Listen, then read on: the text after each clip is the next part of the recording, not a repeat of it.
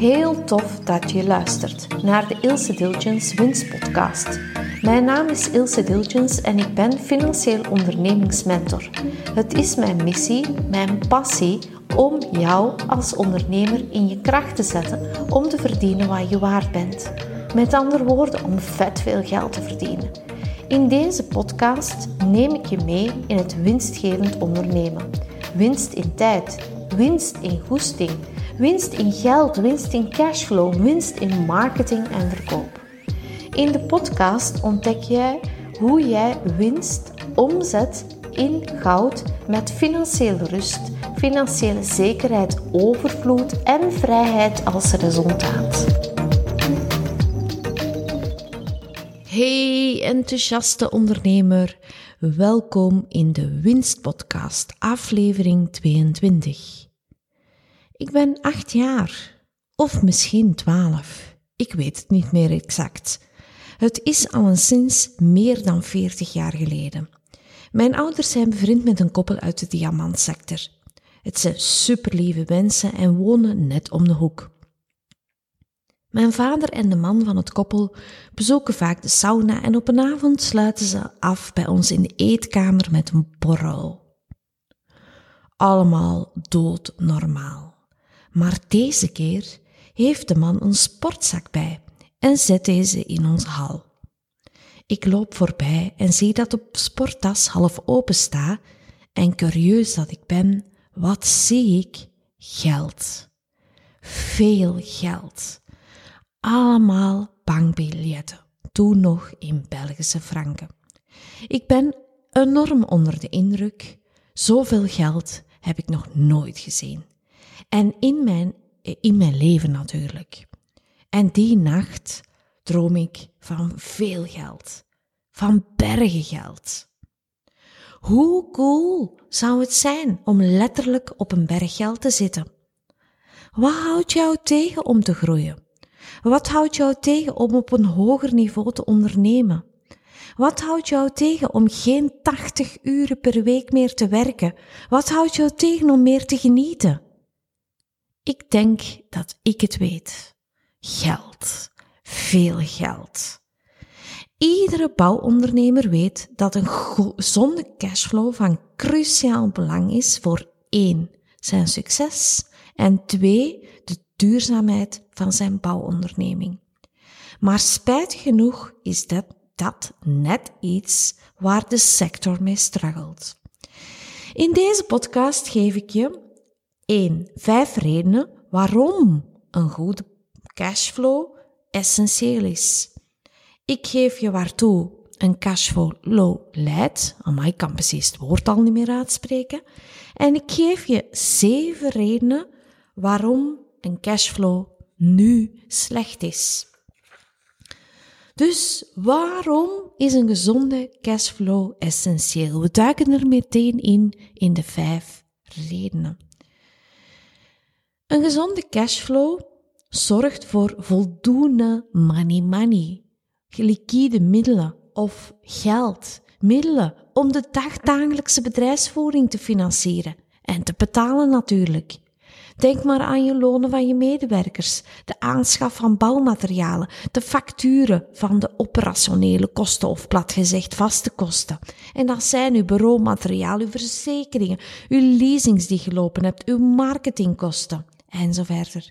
En de andere lopende uitgaven. Een tweede reden waarom een gezonde cashflow essentieel is, is dat het jou in staat stelt om de leveranciers en jouw ondernemers op tijd te betalen. Het is enorm frustrerend wanneer jij materialen nodig hebt en je ziet op je bankrekening dat er niet voldoende beschikbaar geld is en dan kun je natuurlijk achter je korting contant fluiten. Het gevolg is, een goede cashflow zorgt ervoor dat jouw leveranciers voor jou zullen springen, want je betaalt altijd op tijd. Je zet eigenlijk gekend voor je goede betaler. En dat is echt een pluspunt, want dan kun je ook tegen de beste kortingen kopen. Een derde reden, op naar een gezonde cashflow, maakt dat het mogelijk is om nieuwe projecten aan te nemen. Een snelle groei in jouw bedrijf dat lukt enkel met een gezonde cashflow, want anders kan je je eigen succes niet volgen. En het spijtige daarbij is, wanneer dat je geen goede cashflow hebt, dat dan het spel begint van externe financieringen en hoge rentelasten. En dan word je afhankelijk van andere investeerders en blijven je kansen of je nieuwe projecten onbenut. Een vierde reden waarom een goed, gezonde cashflow essentieel is, is dat je moet kunnen omgaan met de superhete, win, uh, superhete zomer en de keilange winter. Er zijn nou, temperatuurschommelingen, dat is sowieso, maar de ene periode gaat gepaard met een drukke periode en de andere periode gaat gepaard met een tragere periode, minder drukke periode. En daar moet uw cashflow tegen bestand zijn. Een vijfde en laatste reden is dat je dan met een gezonde cashflow altijd stapje voor stapje voor bent, of stapje en stapje, of stappen, stappen, stappen, voor bent op de concurrentie. Want je kunt betere investeringen aangaan, hogere investeringen aangaan. Je kunt eigenlijk investeren in nieuwe technologieën, in innovaties. En onverwachte situaties, economische schommelingen, zware tegenvallers of verkeerd inschatten van een bouwsituatie, dat zijn geen afknappers meer, want je hebt immers een bankrekening vol euro's. En, zoals ik al zei, je staat veel sterker in je schoenen bij onderhandelingen. Je krijgt betere voorwaarden bij je leveranciers, onderaannemers en ook bij je bankier. Een slechte cashflow, dan leidt inderdaad tot vertraging. Herkende dat gevoel dat je een nieuwe machine nodig hebt, maar dat je blijft klungelen met die oude omdat je geen geld hebt om een nieuwe te kopen. Herkende dat gevoel dat je zoveel werk hebt, maar niet de ruimte om een extra medewerker in te schakelen. Een slechte cashflow, dat zorgt voor boetes en nalatigheidsinterest en nog meer kosten en dat zeer. Ik beloofde je ook dat ik jou de oorzaken van een slechte cashflow ging vertellen in deze podcast. En dat zijn er zeven. We beginnen alvast met de eerste. Klanten die te laan betalen voor geleverde projecten. Zij verstoren de cashflow in jouw bouwbedrijf. Oké, de klant heeft een onvoorzien probleem en kan nu niet betalen, maar is dat jouw probleem? Maar kijk ook in uw eigen spiegel. Misschien hebt je het factuur pas na een jaar opgestuurd. In dat geval begrijp ik het volledig dat de klant dan niet staat te springen om jou direct voorgang te geven wanneer hij zijn betalingen uitvoert. En gaat dan zeker niet, als je dat doet, na een dag reminderen, want dat komt echt wel verkeerd over. Met andere woorden, op dat moment zeg jij te laks. Tweede reden van een slechte of minder goede cashflow is dat je echt wel rekening moet houden dat het weer jouw part kan uh, spelen.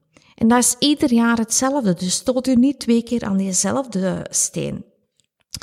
Het weer kan slecht zijn, dat betekent regen of vrieskou en dat kan uw cashflow bepalen. Maar zeg jij een dakwerker, dan ken je dat verhaal, dus bereid u er ook op voor. Derde reden, het verhaal van de voorschotfactuur. Bij heel veel bouwprojecten financiert jij, de bouwondernemer, de materiaalkosten, arbeid en apparatuur, voordat de betalingen van de klant binnenkomen. Maar is dat wel verstandig? Dus kijk een keer hoe dat je kunt uh, uw klant laten voorfinancieren. En kijk ook dat in vergelijking met uw um, kosten die je moet maken om die bouw te starten, dat die voorfinanciering nog wel voldoende is in verhouding. Kunt u ook afvragen, laten die voorschotfacturen op zich wachten? Of volgde jij ze niet genoeg op? Vierde reden is onvoorziene omstandigheden. Je kent dat allemaal, onverwachte reparaties aan machines, vertragingen in bouwprojecten, waardoor dat je moet wachten op de eindfactuurbetaling of prijsstijgingen van de bouwmaterialen. Dat brengt natuurlijk extra kosten mee, wat uw cashflow kan nekken. Vijfde punt is overmatige voorraad. Of ongebruikte materialen die je aanschaft voor een specifiek project, maar dan toch niet nodig hebt. Dus blijf er altijd met je hoofd erbij. Bestel geen materialen die je niet kan verwerken of niet kan factureren. En kijk een keer heel kritisch in uw stok. Wat kun je daarmee? Zijn er dingen die er al jaren liggen? Doe die dan weg voor een prijsje. Zesde punt is te hoge bedragen die jij leende en die bijhorende interesten. Die hebben natuurlijk een supergrote impact op jouw cashflow. Een zevende en laatste reden waarom uw cashflow misschien onderuit gehaald wordt, is dat je niet voldoende plant.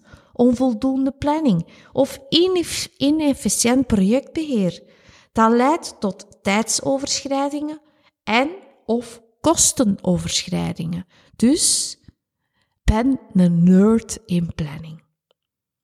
Want elk uur dat er niet gewerkt is, is een uur zonder rendement. Nu, voilà, dat is wat ik jou in die drie punten wou vertellen, maar ik vat het nog even voor jou samen.